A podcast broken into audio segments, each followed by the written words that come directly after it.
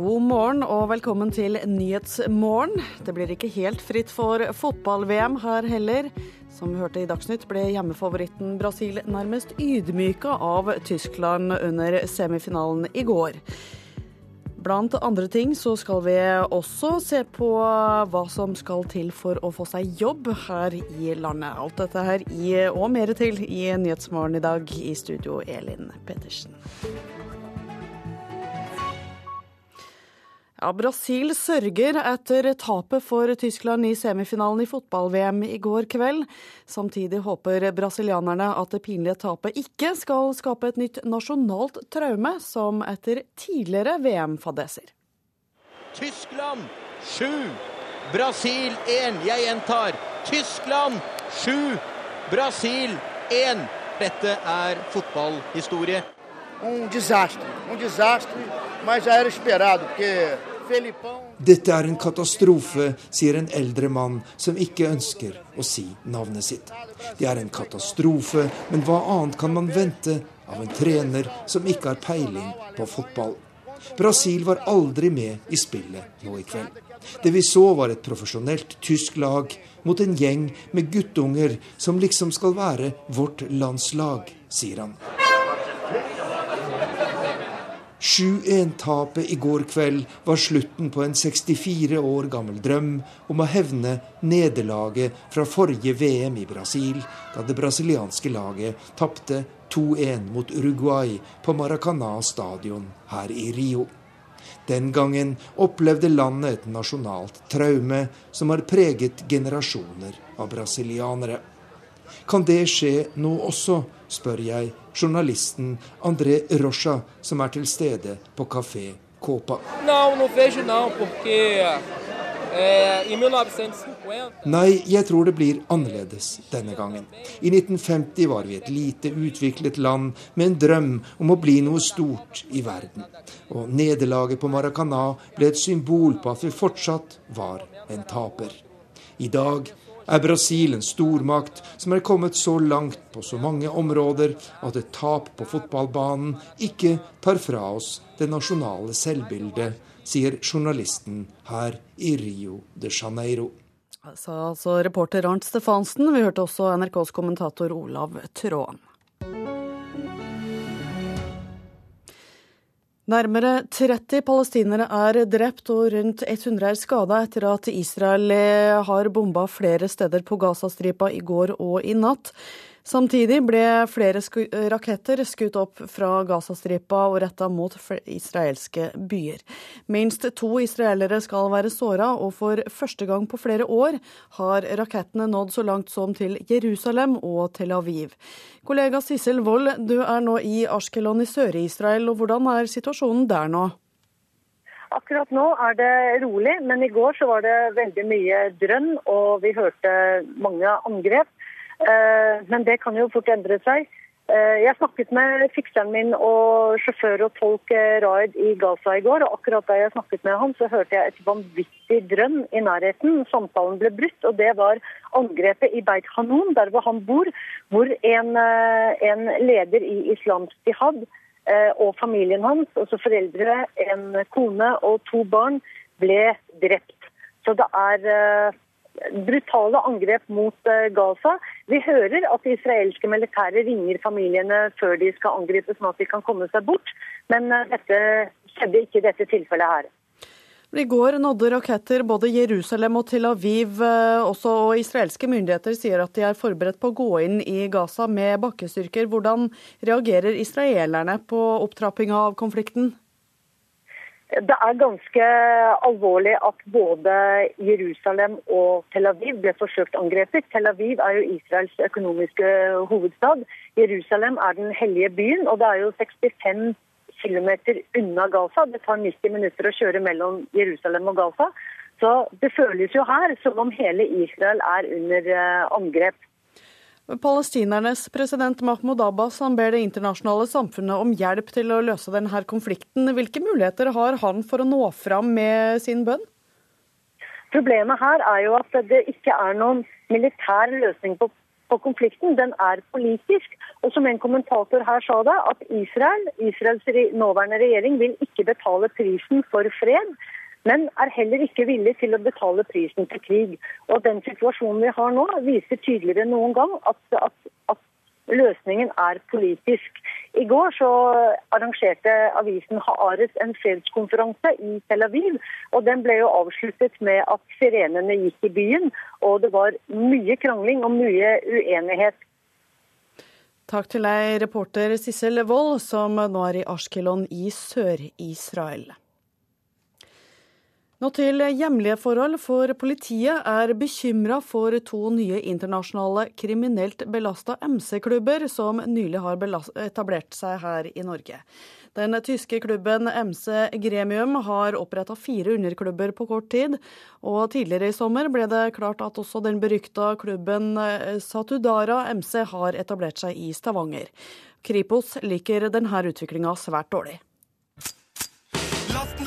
Lasten, hat det flekses i muskler og skåles med tatoverte armer. Det poseres foran dyre motorsykler. Musikkvideoen handler om Gremium MC Germany.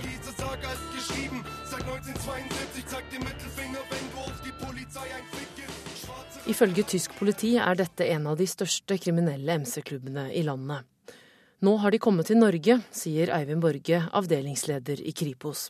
Vi har jo fått opplysninger nå de siste dagene at eh, fire av eh, avdelingene som tidligere het Gladiators, er nå eh, patcha over til gremiumavdelinger. Og det er en internasjonal kriminell MC-klubb.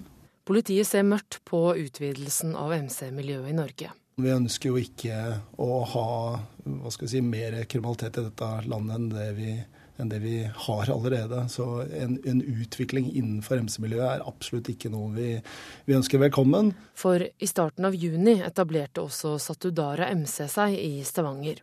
Opprinnelig en nederlandsk organisasjon. Dermed har det på kort tid etablert seg to nye MC-klubber i Norge som politiet mener internasjonalt står bak alvorlig kriminalitet. Narkotika, det er omsetning av våpen, prostitusjon, menneskehandel osv. NRK har forsøkt å komme i kontakt med personer i Gremium MC, men har ikke lykkes med det. Satudara sier til NRK at de nok en gang ikke kjenner seg igjen i beskrivelsene til politiet. De kaller det propaganda. Eivind Borge i Kripos mener at klubbene må bekjempes. Vi ser jo at eh, det er mellom noen av disse internasjonale gruppene òg eh, høyt konfliktnivå, eh, sånn at faren for Eh, konflikter mellom de internasjonale kriminelle MC-gruppene, den er jo òg til stede. Reporter her var Ellen Borge Christoffersen. Og stortingsrepresentant for Høyre, Anders Werp, hva tror du er årsaken til at flere berykta MC-klubber eh, nå velger å etablere seg i Norge? Det er nok uh, først og fremst et uh, spørsmål om å hevde revir, tenker jeg. Uh, dette er jo klubber og miljøer som på mange måter kjemper om de samme kriminelle markedene, og, og, at man har vurdert Norge som interessant i den sammenhengen, og prøver å få et uh, fotfeste her. Så jeg er helt enig med politiet at dette er dårlige nyheter. Men Hva er hovedproblemet med de her eh, klubbene som politiet mener driver omfattende organisert kriminalitet? Dette er uh, skyggesamfunn. Dette er, uh, dette er miljøer, dette er klubber som lever etter egne lover og regler. De eh, tar det ikke så tungt om eh, medlemmene bryter samfunnets og demokratiets eh, spilleregler. De har egne dømmende, utøvende og lovgivende organer som medlemmene vet får alvorlige konsekvenser hvis de bryter, mens hvis de bryter samfunnets lover og regler, så har ikke det så store konsekvenser, eller ikke konsekvenser i det hele tatt. Så lever på, Disse lever på siden av samfunnet, og Kripos sier jo også det at dette er jo blant landets best organiserte kriminelle nettverk. Men Da du var ordfører i Øvre Eiker i Buskerud, så jobba kommunen intenst for å hindre at MC-klubben Hells Angels etablerte seg i kommunen. Hvilke utfordringer møtte dere på da? Dette er gjennomorganiserte miljøer. Eh, og vi ser jo, og vi så det jo også den gangen, at de bruker store ressurser på advokathjelp. Eh, og vi ser også i det siste en utvikling i retning av at de, de kjøper profesjonell hjelp for å, å, skape seg et bedre omdømme Bl.a. gjennom presseoppslag. Og, og dette, er en, dette, er en, del av utfordringen ved at de prøver å skape et inntrykk av at de er et, et frihetselskende miljø. Men de sier jo da ikke noe om at dette er en frihet som går på bekostning av veldig mange andre. For som vi hører fra Kripos her, så er altså kriminaliteten omfatter Det er eh, narkotika, det er vold, det er trusler. Det er mange ofre for denne friheten, og det er en massiv kriminalitet knyttet til dette. Men Hva skal til eh, for, at, eh, for å hindre at, at MC-klubber slår seg ned i ulike kommuner rundt omkring? Er det kommunene som må på banen her? Ja, kommunene har en nøkkelrolle. Dette er jo miljøer som har vært i vekst eh, nå i mange år her i, i, Norge. Dette er en kamp eh, politiet ikke skal ta helt alene. Eh, kommunene er viktige for å bygge opp kunnskap eh, i lokalsamfunnene om hva disse miljøene representerer, for å mobilisere en motkraft mot dette. Og, jeg er veldig glad for at Høyre fikk gjennomslag i, Stortinget for to år siden om å utarbeide en handlingsplan for kommunene i sitt samarbeid med politiet om å bekjempe disse miljøene. Den handlingsplanen kom bare for noen få måneder siden, og jeg og vi har store forventninger til at den skal gi eh, resultater. Men da må man også være aktiv fra kommunene. Bruke plan- og bygningslov, bruke skjenkebevilgningene og alkohollovgivningene og andre lovverk som kommunene forvalter, i et samarbeid med eh, politiet, som forvalter straffeloven. Vi får følge med på hvordan kommunene forvalter denne meldinga. Takk til deg, Anders Werp, stortingsrepresentant for Høyre. Du hører på Nyhetsmorgen. Klokka er straks kvart over sju. Det her er hovedsaker i nyhetene nå i dag. Tysk målbonanza sendte hjemmelaget Brasil hodestups ut av fotball-VM i går.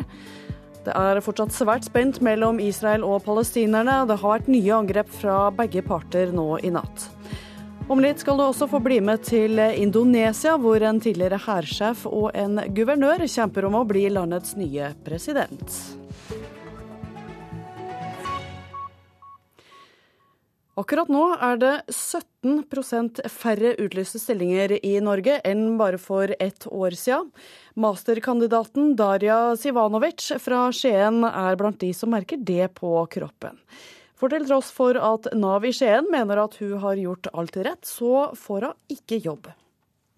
Jeg er fortvila, jeg er litt forundra. Og jeg skulle gjerne likt å høre fra forskjellige eh, arbeidsgivere om hvorfor hvorfor jeg ikke kan få en jobb hos de forskjellige etatene. Masterkandidaten Darja Sivanovic tok pedagogisk utdanning, skaffet seg erfaring og toppet utdanningen med en master i psykisk helse for barn og voksne. Hun flyttet fra kjæresten i Agder til Telemark for å utnytte kontaktene sine der. Men jobb får hun ikke. Jeg har søkt jobber innenfor psykiatrien, eh, sykehus, barne- og ungdomsarbeider, Bufetat butikkmedarbeider. Ja, litt av hvert i Men hun har jo gjort alt riktig, mener avdelingsleder Mariann Eriksen i Nav i Skien. Og jeg kan jo dele både fortvilelsen og delvis forundringen også. fordi at det er jo, eh, Hun har på en måte fulgt oppskriften, da, hvis man skal bruke et sånt begrep. Eh, vi sier ta utdanning, skaff deg erfaring mens du er i jobb, bruk nettverket ditt og vær mobil. Og til tross for det så har hun ikke lykkes enda, velger jeg å si da. Fordi det er jo mange mekanismer som slår inn i forhold til hvorfor ikke hun er i mål enda. Eh, og jeg vil tenke at sånn som hun både fremstår i den lille samtalen vi har hatt, og med det hun har, så er det helt klart at hun har en ressurs, og at hun kommer til å lykkes. Daria Sivanovic kjenner på kroppen det som søkemotoren rubrikk.no fanger opp. Det er mange færre ledige stillinger å søke på nå enn det var for et år siden. Nedgangen er på 17% i juni for hele landet, sammenlignet med juni i fjor. Og daglig leder Adil Osmani sier de som kommer fra skolebenken vil merke det i høst. Slik det ser ut nå, så må man forvente et uh, tøffere marked enn uh, tidligere. Det henger sammen med at det er en psykologi i markedet nå som tilsier at bedriftene er mer forsiktige enn det de var for bare litt siden. Hvem rammer det? Det rammer helt klart de uten erfaring mest, ettersom de må konkurrere med de som har blitt sagt opp, som da har erfaring. Darja Sivanovic søker og søker. I Telemark er det nå vanskelig å få jobber, også i offentlige virksomheter, sier avdelingsleder Mariann Eriksen i Nav i Skien. Døren til Nav står åpen. Men det er ikke der den 27 år gamle masterkandidaten Daria Sivanovic vil tilbringe dagene. Hva er drømmejobben? Og drømmejobben er å jobbe med, på ABUP, eh, sykehuset, med barn og ungdom og deres familier og deres psykiske helse. Det er drømmejobben. Det sa 27 år gamle Daria Sivanovic. Reportere her var Hedvig Bjørgum og Marit Kolberg. Og velkommen til deg, seniorforsker ved Frischsenteret, Knut Rød. 27 år gamle Daria her ser ut til å gjøre, følge alle rådene hun får for å få seg en jobb. Hvordan vil du forklare at hun eh, ikke lykkes?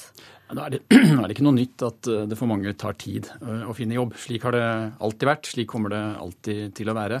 Eh, men nå er det nok eh, ganske vanskelige forhold i arbeidsmarkedet i, i Norge akkurat nå. Altså det går tregt eh, i landene rundt oss. Det er stabilt, nokså liten etterspørsel etter arbeidskraft. Og i første omgang så rammer jo det da folk som forsøker å komme inn i, i arbeidsmarkedet. Hvor, hvor, hvordan har det blitt sånn? Altså, det er ikke noen eh, krise i Norge på noen som helst slags måte. Vi har fortsatt uh, svært lav arbeidsledighet. Den er omtrent fire ganger så høy i, i, Europa som i Norge, så vi skal ikke male fanden eh, på veggen her. Men det er klart at uh, det er ikke noen uh, voldsom etterspørsel etter arbeidskraft akkurat nå. Folk må regne, på, regne med å kanskje bruke noe tid på, på å, å finne jobb. Det er klart at eh, det er behov for arbeidskraft eh, i, i Norge. Så, så, jeg er ganske overbevist om at personen vi hørte her, kommer til å være i jobb om ikke så altfor lenge. Hvor alvorlig skjer det på situasjonen? Altså det, de, det ser ut som det er de unge som sliter med å få seg jobb. Hvor alvorlig er det? Ja, Sånn er det uh, egentlig alltid når konjunkturene svinger. Når etterspørselen etter arbeidskraft svinger, så er det jo i første omgang de som er utenfor, som ennå ikke har kommet seg inn, som blir rammet. Man beskytter jo de som allerede er, eh, er innenfor. Så, så, ungdom er en, en, utsatt gruppe når konjunkturene svinger.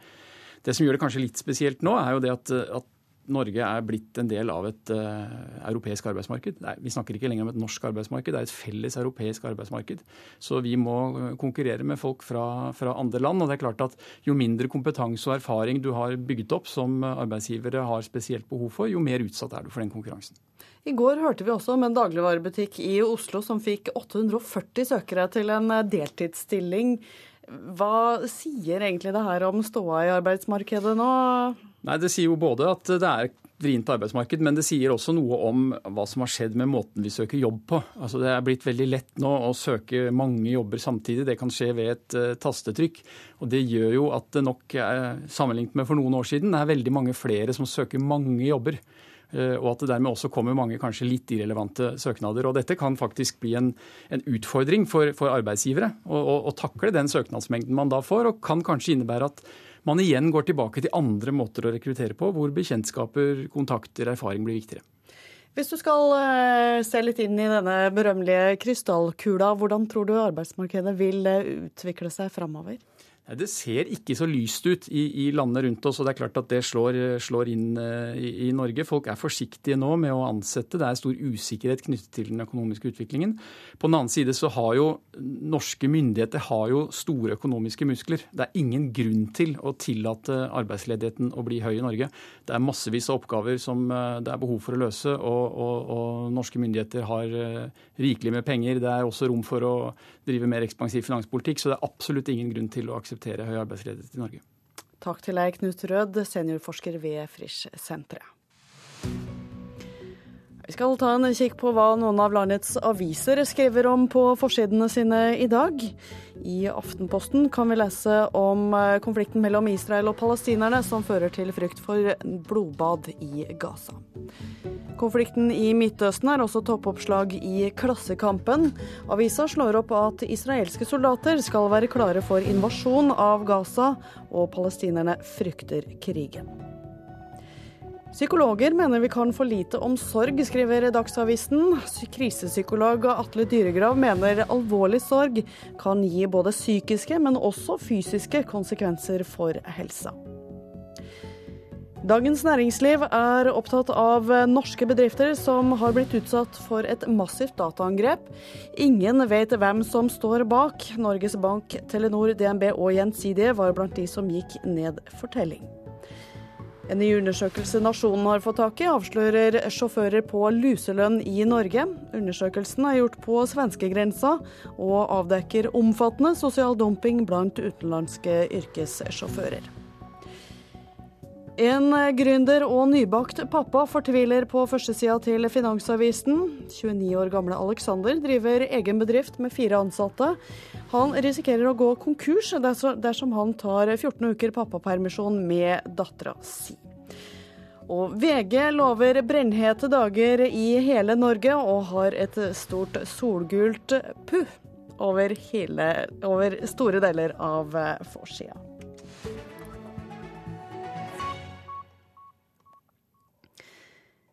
I dag er det valg i verdens tredje største demokrati, og en av støttespillerne til den tidligere diktatoren i Indonesia kjemper mot en svært populær guvernør fra Jakarta om å bli landets nye president buat nentuin siapa nanti pemimpin negara aku sendiri kayak gitu. Jeg gleder meg til å kunne være med å bestemme Indonesias fremtid, sier Puput, en 17 år gammel jente som skal stemme for første gang under dagens presidentvalg. Indonesias demokratiske historie er ett år yngre enn Puput selv. I 1998 ble tidligere diktator Suharto tvunget fra makten, men mange av hans støttespillere har beholdt innflytelsesrike stillinger i årene som fulgte. En av dem kan nå bli landets nye president. Mannen det jubles for, er Prabovo Subianto. Han var sjef for hærens spesialstyrker under diktator Suharto og har blitt beskyldt for å stå bak bortføringer og tortur av motstandere av regimet på 90-tallet. Han var også gift med diktatorens datter, og til tross for at de nå er skilt, har hun stilt opp på flere valgkampsarrangementer for å støtte eksmannen. For mange innbyggere i verdens tredje største demokrati savner diktatortiden, som med de minste var mindre kaotisk enn dagens demokrati. Subiantos motkandidat er et friskt pust i indonesisk politikk. Den karismatiske Yoko Widodo er en svært populær guvernør i hovedstaden Jakarta. Widodo har jobbet seg opp på egen hånd og gjorde stor suksess i møbelbransjen før han gikk inn i politikken. Widodos tilhengere mener at han kan skape positive endringer i landet. Politisk er det lite som skiller de to. Begge lover å bygge ut Indonesias svake infrastruktur, kutte korrupsjon, bekjempe byråkrati, samt å sørge for fortsatt økonomisk vekst i en økonomi som vokser med om lag 6% i året. For førstegangsvelgeren Puput er valget enkelt. Jeg er realistisk og stemmer for Widodo. Han har et godt rykte og har gjort det bra i Jakarta, sier hun. Og får hun det som hun vil, så blir Widodo den første presidenten som ikke utgår av landets gamle elite. Rapporterte Silje Herbro Landsverk. Det norsk-russiske forskningstoktet som skulle undersøke den sunkne russiske atomubåten K-159 i Barentshavet, er utsatt til august. Toktet skulle starta i slutten av juni og pågått i disse dager. Men uh, ifølge Statens strålevern skyldes utsettelsen tekniske feil på det russiske forskningsskipet. 861 nordmenn har bedt Google om å fjerne søkeresultater om dem. I mai åpna søkemotoren for at privatpersoner kan søke om at artikler om dem ikke kommer opp når noen søker på navnet deres. Det skjedde etter at EU-domstolen slo fast at man har rett til å bli glemt på internett å snikgoogle meg selv, så jeg ikke kom for samme overraskelsen. da. Jeg tror ikke det. altså Jeg har ikke vært i noe sjalusidrama med noe, eh, noe slåsskamper. Gisle Hannemyr er professor i informatikk, og gjør som mange andre nordmenn. Han googler seg selv. Nei, dette ser jo greit ut, da. Ingen skumle overraskelser? Ingen skumle overraskelser på, på selvgoogling her, nei. Slik har det dessverre ikke vært for alle. Frem til nå. For har det dukket opp noe uønsket om deg på internett, kan du nå be Google og andre søkemotorer om å hindre at det dukker opp i søkeresultatene deres. Siden en EU-dom fastslo dette i midten av mai, har 861 nordmenn bedt Google fjerne nesten 4000 lenker. Gisle Hannemyr synes det er bra at folk sier ifra. At Google skal liksom være et verktøy spesielt innrettet på å kunne snoke på naboer og kjærester og kolleger, det syns jeg er helt unødvendig. For å få slettet et søkeresultat må det vurderes som enten utilstrekkelig, irrelevant, utdatert eller overdrevet med tanke på tiden som har gått. Ja, Det er jo helt fantastisk, for det kommer jo jeg til å benytte meg av. En som jubler over dette, er tidligere lokalpolitiker i Våler i Østfold, Lena Linge. For noen år siden fikk Linge en telefon om at profilbildet hennes på Facebook var misbrukt i en kontaktannonse på et pornonettsted. Hennes fulle navn var oppgitt, og snart var det spredt på pornonettsider i hele verden. En pornodistributør i Ukraina bryr seg svært lite om hva jeg i lille Våler mener om at noen har linka mitt navn opp til det. Men nå håper hun mye vil forsvinne. Jeg er veldig glad for at den løsningen her har kommet, fordi det vil lette litt på at jeg vet at jeg vil kanskje kunne fjerne det. Jeg syns det er høyt. Jeg hadde ikke forventa at det skulle være et så høyt tall så fort. Torgeir Waterhouse, direktør i IKT Norge, er overrasket over de 861 henvendelsene fra nordmenn, og er bekymret for utviklingen. Det er lett å se for seg veldig mange saker, som om det er politikere, næringslivsledere, investorer, tilfeldige personer osv. ønsker å få skjult, men som ikke nødvendigvis burde bli utilgjengeliggjort. Waterhouse synes det er skummelt at det skal være tilfeldige internettselskaper rundt om i verden som bestemmer hva vi som forbrukere skal finne på internett eller ikke. Det er den som har publisert det, om det er en lokalavis, om det er en tilfeldig blogger, om det er et oppslagsverk på nett. Den som har publisert, er også den som sitter med nøkkelen til å ta informasjonen av nettet. Det sa Torgeir Waterhouse, og Google har fått over 70 000 henvendelser fra europeere om å slette oppføringer om dem. Reporter her var Åsta Hoem Hagen. Du hører på Nyhetsmorgen. Produsent i dag er Thomas Theis Haugan. Her i studio Elin Pettersen.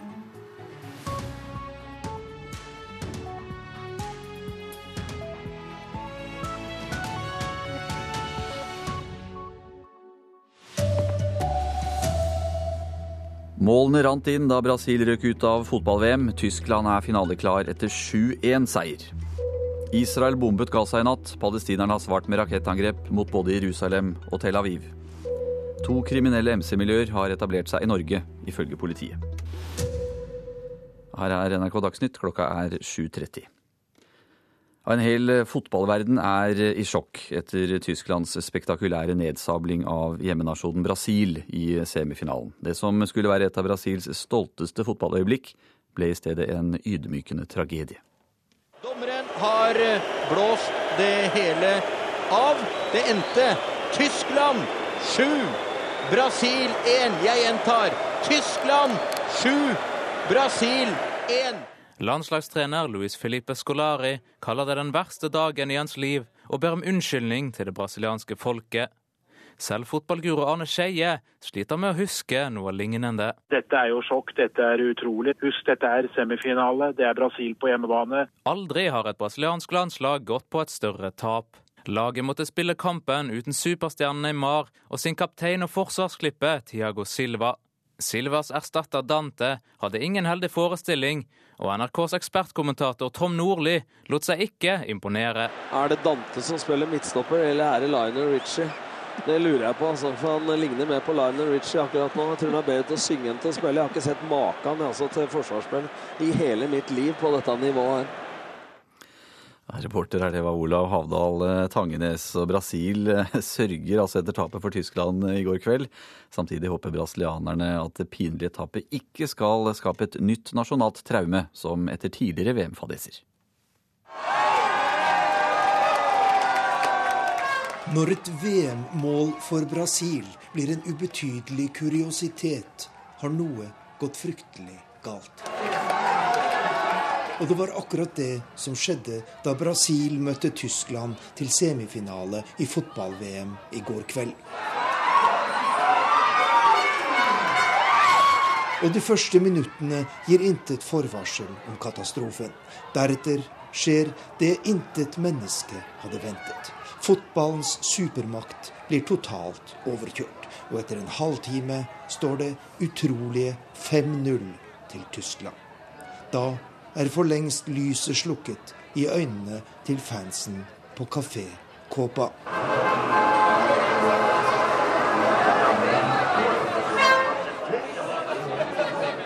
Sju 1-tapet i går kveld var slutten på en 64 år gammel drøm om å hevne nederlaget fra forrige VM i Brasil, da det brasilianske laget tapte 2-1 mot Uruguay på Maracanã stadion her i Rio. Den gangen opplevde landet et nasjonalt traume som har preget generasjoner av brasilianere.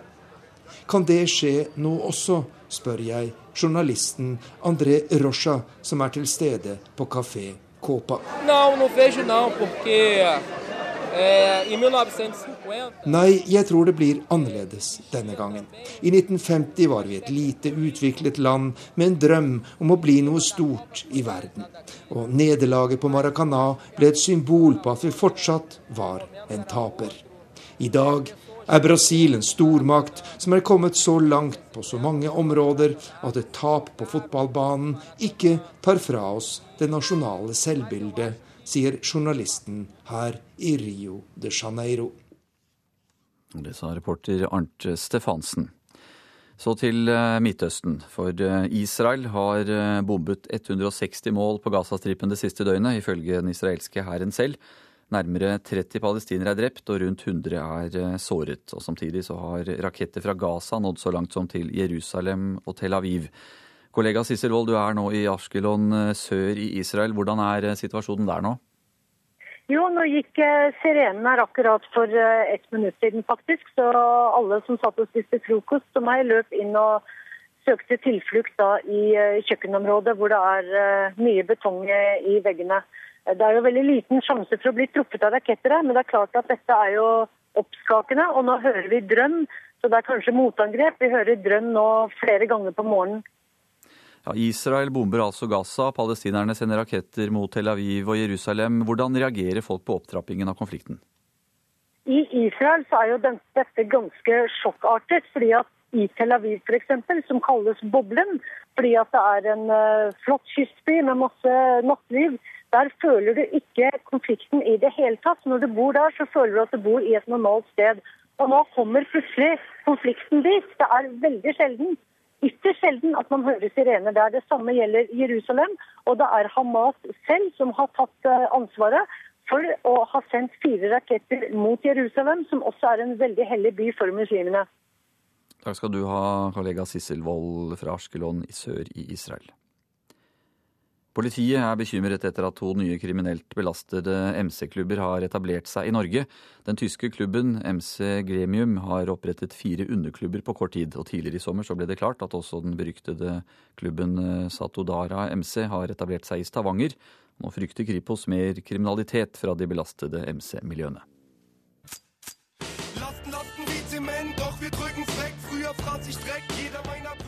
Det flekses i muskler og skåles med tatoverte armer. Det poseres foran dyre motorsykler. Musikkvideoen handler om Gremium MC Germany. Ifølge tysk politi er dette en av de største kriminelle MC-klubbene i landet. Nå har de kommet til Norge, sier Eivind Borge, avdelingsleder i Kripos. Vi har jo fått opplysninger nå de siste dagene at eh, fire av eh, avdelingene som tidligere het Gladiators, er nå eh, patcha over til eh, gremiumavdelinger. En, en utvikling innenfor MC-miljøet er absolutt ikke noe vi, vi ønsker velkommen. For i starten av juni etablerte også Satudara MC seg i Stavanger. Opprinnelig en nederlandsk organisasjon. Dermed har det på kort tid etablert seg to nye MC-klubber i Norge som politiet mener internasjonalt står bak alvorlig kriminalitet. NRK har forsøkt å komme i kontakt med personer i Gremium MC, men har ikke lykkes med det. Satudara sier til NRK at de nok en gang ikke kjenner seg igjen i beskrivelsene til politiet. Eivind Borge i Kripos mener at klubbene må bekjempes. Generelt så ønsker jo mange av disse internasjonale gruppene egentlig bare si, spre seg over større områder, få mer innflytelse i andre land. Og ofte så ser vi det å knytter seg opp mot kriminell aktivitet. Reporter her, det var Ellen Borge Christoffersen.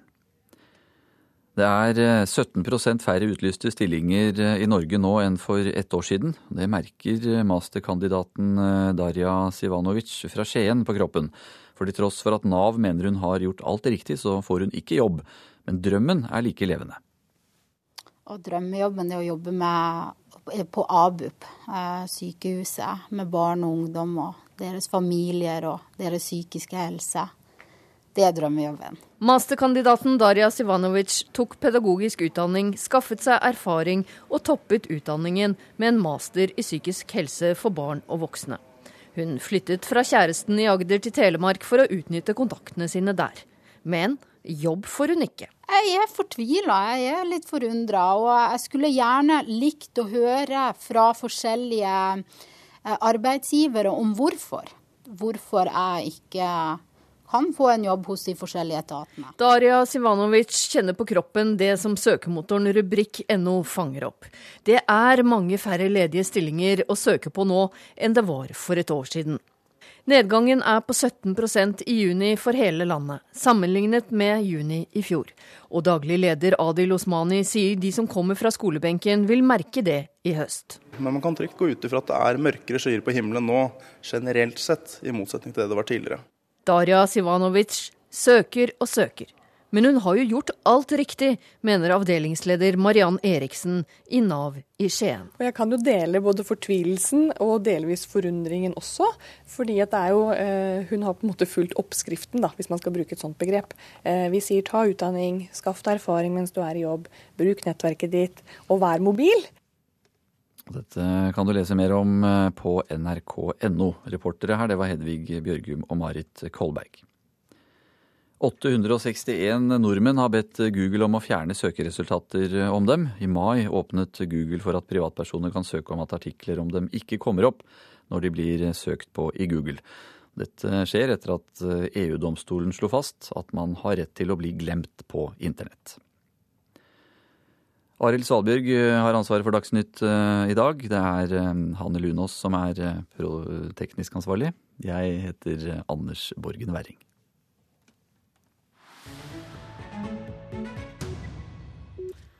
Som vi har hørt i nyhetene i dag, så er brasilianerne i sjokk etter det knusende nederlaget mot Tyskland i semifinalen i fotball-VM i går kveld. 7-1-tapet er det største for et brasiliansk landslag noensinne. Vår reporter Arnt Stefansen han så kampen på en fotballkafé i Rio de Janeiro. Når et VM-mål for Brasil blir en ubetydelig kuriositet, har noe gått fryktelig galt. Og det var akkurat det som skjedde da Brasil møtte Tyskland til semifinale i fotball-VM i går kveld. Etter at hjemmelagets store stjerne Neymar var blitt skadd og var ute av VM, fryktet brasilianerne det verste, men stemningen var høy på fotballkafeen Copa her i Rio de Janeiro før kampen. Hva? Brasil campeão, hexa. Brasil blir verdensmester for sjette gang, sier den 22 år gamle Natasha Baradella og gliser. Og vi vinner 2-1 over Tyskland, legger hun til. Og de første minuttene gir intet forvarsel om katastrofen. Deretter skjer det intet menneske hadde ventet. Fotballens supermakt blir totalt overkjørt og etter en halvtime står det utrolige 5-0 til Tyskland. Da er for lengst lyset slukket i øynene til fansen på Kafé Kåpa. Dette gjør meg veldig trist, sier den 65 år gamle Regina Vigiani her fra Rio. Jeg regnet med at det kunne bli vanskelig å vinne, men en utklassing som dette hadde jeg ikke i min villeste fantasi forestilt meg. Dette er en stor skam for Brasil, sier hun. Og hadde noen håpet på en bedre innsats for Brasil i annen omgang, ble de ytterligere skuffet. Selv om tyskerne forståelig nok sparte noe på kreftene, hadde de fortsatt full kontroll over kampen, og økte til 6-0 og 7-0 før Brasil fikk sitt ene trøstemål like før slutt. Um desastre, um desastre, mas já dette er en katastrofe, sier en eldre mann som ikke ønsker å si navnet sitt. Det er en katastrofe, men hva annet kan man vente av en trener som ikke har peiling på fotball. Brasil var aldri med i spillet nå i kveld. Det vi så var et profesjonelt tysk lag mot en gjeng med guttunger som liksom skal være vårt landslag, sier han. 7-1-tapet i går kveld var slutten på en 64 år gammel drøm om å hevne nederlaget fra forrige VM i Brasil, da det brasilianske laget tapte 2-1 mot Uruguay på Maracana stadion her i Rio. Den gangen opplevde landet et nasjonalt traume som har preget generasjoner av brasilianere. Kan det skje nå også, spør jeg journalisten André Rocha, som er til stede på Kafé não, porque Nei, jeg tror det blir annerledes denne gangen. I 1950 var vi et lite utviklet land med en drøm om å bli noe stort i verden. Og nederlaget på Maracana ble et symbol på at vi fortsatt var en taper. I dag er Brasil en stormakt som er kommet så langt på så mange områder at et tap på fotballbanen ikke tar fra oss det nasjonale selvbildet, sier journalisten her i Rio de Janeiro. Klokka den er 7.44. Dette er hovedsaker i nyhetene i dag. Israel har bomba 160 mål på Gazastripa det siste døgnet. Det opplyser den israelske hæren. Kripos advarer mot nye MC-klubber som etablerer seg i Norge, frykter de står bak organisert kriminalitet. Og høyt utdanna unge sliter med å få seg jobb. Det er færre utlyste stillinger i Norge nå enn for ett år siden. Du hører altså på Nyhetsmorgen i NRK P2 og Alltid nyheter. Og som vi har hørt tidligere i dag, så er det altså en del som tyder på at arbeidsmarkedet blir tøffere, og særlig for de unge. Antall utlyste stillinger på nett falt med 17% det siste året. Det var målt fra altså juni i fjor til juni i år. Og både med og uten masterutdanning sliter folk med å få en fot innafor arbeidslivet. Velkommen eh, i studio til deg, statsminister Erna Solberg. Hyggelig. går det nedover med det norske arbeidsmarkedet nå? Det er sånn at uh, arbeidsledigheten har økt litt. Eh, det er, litt, eh, det er, litt, tyngre i norsk økonomi. Vi har hatt et kostnadsproblem som har bygget seg opp over veldig mange år. Og det ser vi nå. Det stanger vi litt i taket på, på utviklingen av uh, nye jobber. Det er ikke noe store faresignal, men det går litt tregere, og veksten er litt lavere nå. Det var varslet i fjor høst, og det ser vi nå resultatene på. Hva gjør dere for at det skal bli lettere for unge nyutdanna med gode utdanninger å få seg jobb? Det gjelder vel at alle, uansett om de har utdanning eller ikke, skal få seg jobb i dette landet. Og eh, Det viktigste er å være realistisk i forhold til hvilke behov Norge har fremover. Vi kommer til å trenge flere som er faglært. Vi kommer til å trenge flere innenfor helsesektoren. Vi kommer til å trenge flere mennesker som er snekrere, tømrere, og mange andre yrker. Det er viktig at ungdom er, ikke bare tenker på automatikken når de velger uh, hva, de, hva, de, utdanner seg til. Men det viktigste vi gjør, er jo å jobbe med konkurranseevnen vår, konkurransekraften vår. For jobber skapes av at vi har et næringsliv som uh, kan konkurrere med utlandet. og får solgt produkter produktene våre, det bidrar også til å finansiere hele vår store offentlige sektor. Og Hvordan jobber dere for å øke den konkurranseevnen, sånn at det, det blir arbeidsplasser for både de med og uten utdanning? Det dreier seg om å satse på forskning, det dreier seg om å satse på innovasjonsevnen, det dreier seg om å bygge mer veier, det dreier seg om å få kostnadsnivået vårt ned gjennom å være mer produktiv. Det er på en måte den langsiktige oppskriften. Den gjelder både på kort og lang sikt. Eh, vi kan ikke vi kan aldri eh, forhindre at bølger i forhold til økonomien gjør at i noen perioder går det litt tregere. Men det viktige vi skal som nasjon igjennom en endring av en økonomi som har vært veldig oljeorientert, til å være en økonomi som har flere ben å stå på. Og den jobben må vi gjøre kraftigere nå. Den har vi dessverre glemt i noen år. Men vi har jo nytt godt av å ha gode tider i Norge i veldig veldig mange år nå. Alle piler har pekt oppover. Har vi ikke egentlig litt godt av å møte litt mer motstand også? Jeg tror ikke det er godt for noen å være usikker om den økonomiske fremtiden sin når de står og ikke får jobb, eller usikker på jobben fremover. Eh, men eh, det er klart vi har fått et eh, kostnadsnivå i Norge som har, som har vist seg at konkurransekraften vår har blitt svekket. Og så har vi noen lyspunkter. Aker Verdal fikk nettopp en stor kontrakt. Et, en bedrift som så ut som kunne få store problemer hvis ikke den kom. Så vi ser noen lyspunkter i forhold til dette også. Men det er veldig viktig at vi holder fokuset på forskning, utvikling, sørge for at vi nå ikke løfter kostnadsnivået vårt, men gjør de politiske grepene som er viktige for å få kostnadsnivået ned.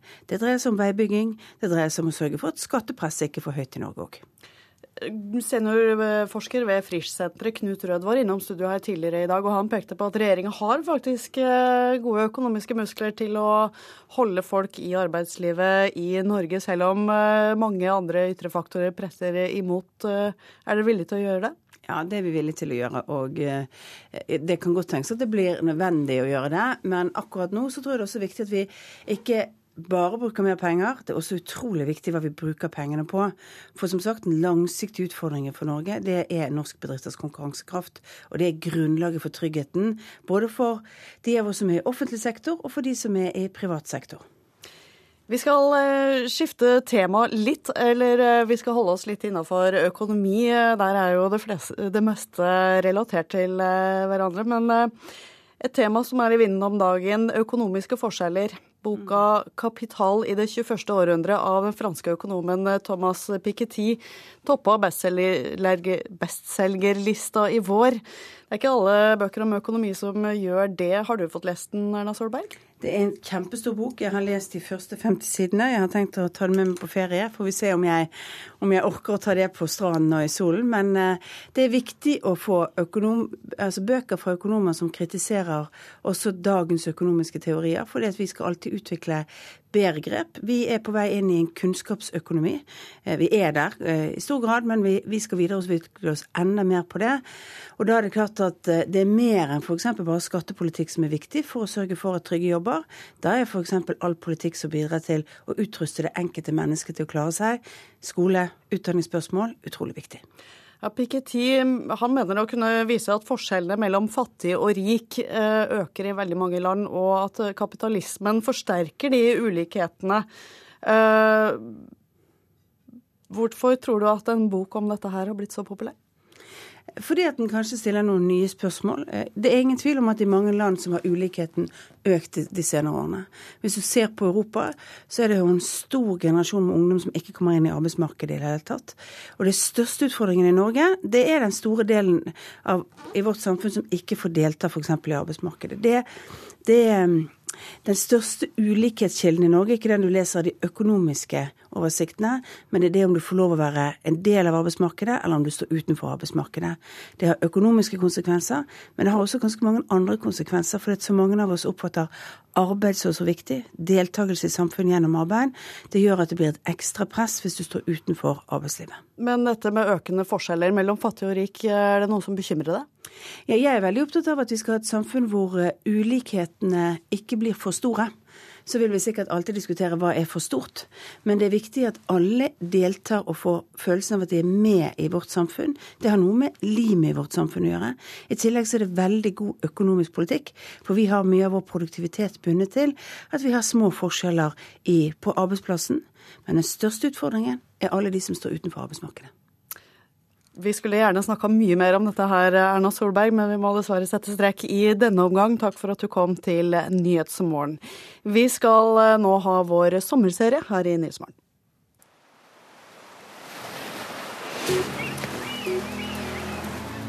Sommerserien i Nyhetsmorgen. Navn? Morten Rostrup. Yrke? Jeg er lege i Lege uten grenser og på Ullevål sykehus. Og hva skal du gjøre i sommerferien? Foreløpig vet jeg ikke. Jeg kommer til å ha sommerferie i uh, september, ser det ut nå. Men uh, ofte har sommerferien blitt forskjøvet fordi det har skjedd ting. Så um, jeg har ikke lagt noen planer ennå. Hva er sommeridyll for deg? Den opprinnelige sommeridyllen er jo å sitte ved fjæresteinene eller på et svaberg med et bål brennende og sommernatten som uh, senker seg. Måkeskrik. Godt drikke, gode venner, god mat. Og ikke tenke på noe annet. Bør det bli lov å ta seg en øl eller et glass vin i parken? jeg ser ikke noe stort eh, problem med det. Jeg tror folk eh, kan godt kontrollere det, og jeg må bare innrømme at jeg har gjort det selv. Bør hasj legaliseres? Det er et, eh, Jeg fulgte med litt i den debatten, men ikke nok til å, til å ende på et helt klart standpunkt. Jeg syns det er mange argumenter både for og mot. Dette er en vanskelig avveining. Det er både sosiale, medisinske og skal vi si, liberalpolitiske aspekter som kommer inn i det. Jeg har vel ikke egentlig landet på det. Jeg vet ikke nok om det. Men debatten er interessant, og jeg ser gode argumenter både på begge sider der. Altså det gjør. Gir du til tiggere? Det har hendt at jeg har gjort det. Men jeg foretrekker faktisk å gi til folk som, som gjør noe. Uh, folk som spiller, folk som gjør noe akrobatikk eller et eller annet. Det, det, føler jeg noe mer for. Men jeg har også gitt til folk som sitter der og, og tigger. Det har jeg gjort. Synes du statsminister Erna Solberg tjener for lite? Jeg, jeg syns det høres ut som hun får god betaling. Men det som for meg er viktig, er at hun er jo i en veldig privilegert situasjon. Så heldig hun er som er kommet inn som statsminister i Norge, hvor du kan ha så mye innflytelse, få så mye innsikt, treffe så mange forskjellige eh, personer. Jeg tror det er mange som ville betalt for å ha en sånn jobb, rett og slett. Kjører du elbil? Jeg har ikke bil i det hele tatt. Jeg jeg bruker sykkel, og det er enda mer miljøvennlig enn elbilen er. Vil du ha OL i Oslo i 2022? Jeg uh, var ikke Jeg støttet ikke det. Og det var uh, fordi jeg følte det var mye penger. Jeg er også Ja, jeg har fulgt litt med i den debatten rundt IOC. Og jeg er rett og slett opptatt både av ressursbruk og oppmerksomhet på andre ting enn akkurat en slik begivenhet. Jeg, jeg, må si at jeg reagerer litt på en del av det jeg har hørt uh, i forbindelse med, med olympiske leger, med dopingskandaler osv. Det er noe usunt over ting også. Så jeg um, følte vel iallfall da jeg stemte, at um, det var ikke det jeg ville støtte. Hvis du fikk all makt i Norge i én dag, kan du nevne én ting du ville endret permanent? Jeg ville sett på, Da ville jeg sett utover. Jeg ville ikke sett så mye på det som skjer i Norge. Men jeg ville sett på akkurat nå, fordi jeg er spesielt opptatt av det, så ville jeg sett på hvordan, eh, hvordan eh, Norge driver sin eh, såkalte humanitære utenrikspolitikk. Hva legger du i det? Det jeg legger i, er hvordan vi vurderer og ser på kriser rundt i verden ikke bare når det gjelder å bevilge penger til hjelp, men også prøve å gjøre en bedre analyse av de politiske forholdene som fører til disse krisene, og se hva vi i Norge kan gjøre via internasjonale kanaler, via FN-systemet osv. på å påvirke situasjonen, slik at det blir bedre for mange av de menneskene som i dag lider. Er det én person du gjerne skulle sett var med i Leger uten grenser? Det jeg er opptatt av ved Leger uten grenser, det er jo ikke få én kjent person som man kjenner som har en eller annen kvalitet utover det som er viktig for oss, nemlig at man har vært ute i felt, jobber selv, kjent på kroppen hva dette dreier seg om. Det er de type personer eh, vi vil ha. Vi vil ikke bringe inn uh, politikere, kjendiser eller andre inn i organisasjonen på den måten. Så den personen jeg ville ha i organisasjonen, den har ikke et navn akkurat nå. Ikke noe navn der altså, men navn det har du, Morten Rostrup. Og jeg vil gjerne få lov til å ønske deg en god sommer, og at du får tatt sommerferien din eh, etter hvert. Takk skal du ha.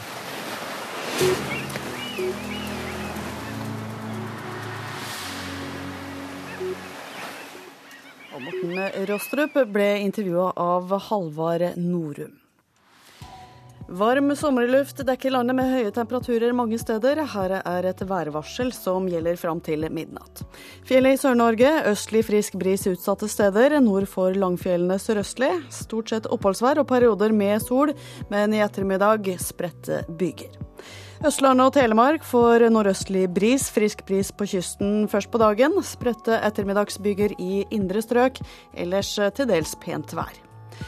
I Agder meldes det om nordøstlig bris på kysten, liten kuling i morgentimene, senere frisk bris. Stort sett opphold og lange perioder med sol, men kan hende enkelte ettermiddagsbyger i indre strøk. Vestlandet sør for Stad. Østlig frisk bris utsatte steder først på, i sør først på dagen, ellers skiftende bris. Utrygt for lokale ettermiddagsbyger, for øvrig til dels pent vær. Møre og Romsdal skiftende bris. Utrygt for morgentåke på kysten og lokale ettermiddagsbyger i indre strøk, for øvrig stort sett pent vær. Trøndelag skiftende bris. Utrygt for enkelte lokale ettermiddagsbyger i sør, ellers pent vær. Nordland skiftende bris også her. Lokal morgentåke i Lofoten og Vesterålen. Ellers stort sett pent vær. Troms skiftende bris, periodevis nordøstlig frisk bris på kysten og pent vær. Finnmark østlig bris, periodevis frisk bris på kysten i nord. Stedvis lave tåkeskyer i øst, særlig nær kysten. Ellers pent vær. Nordensjøland på Spitsbergen. Sørvestlig bris, skiftende skydekke, perioder med sol. Og så temperaturene målt klokka sju. Svalbard lufthavn og Kirkenes hadde 7 grader. Vardø 6, Alta 18, Tromsø-Langnes 14.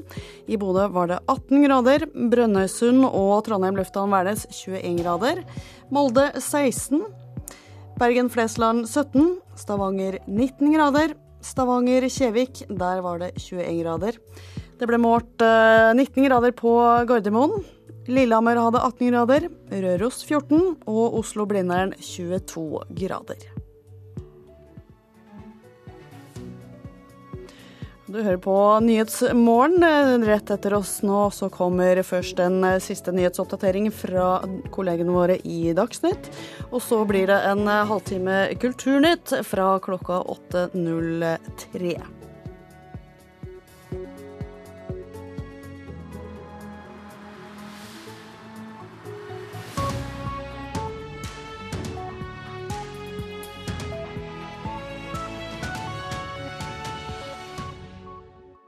Hør flere podkaster på nrk.no podkast.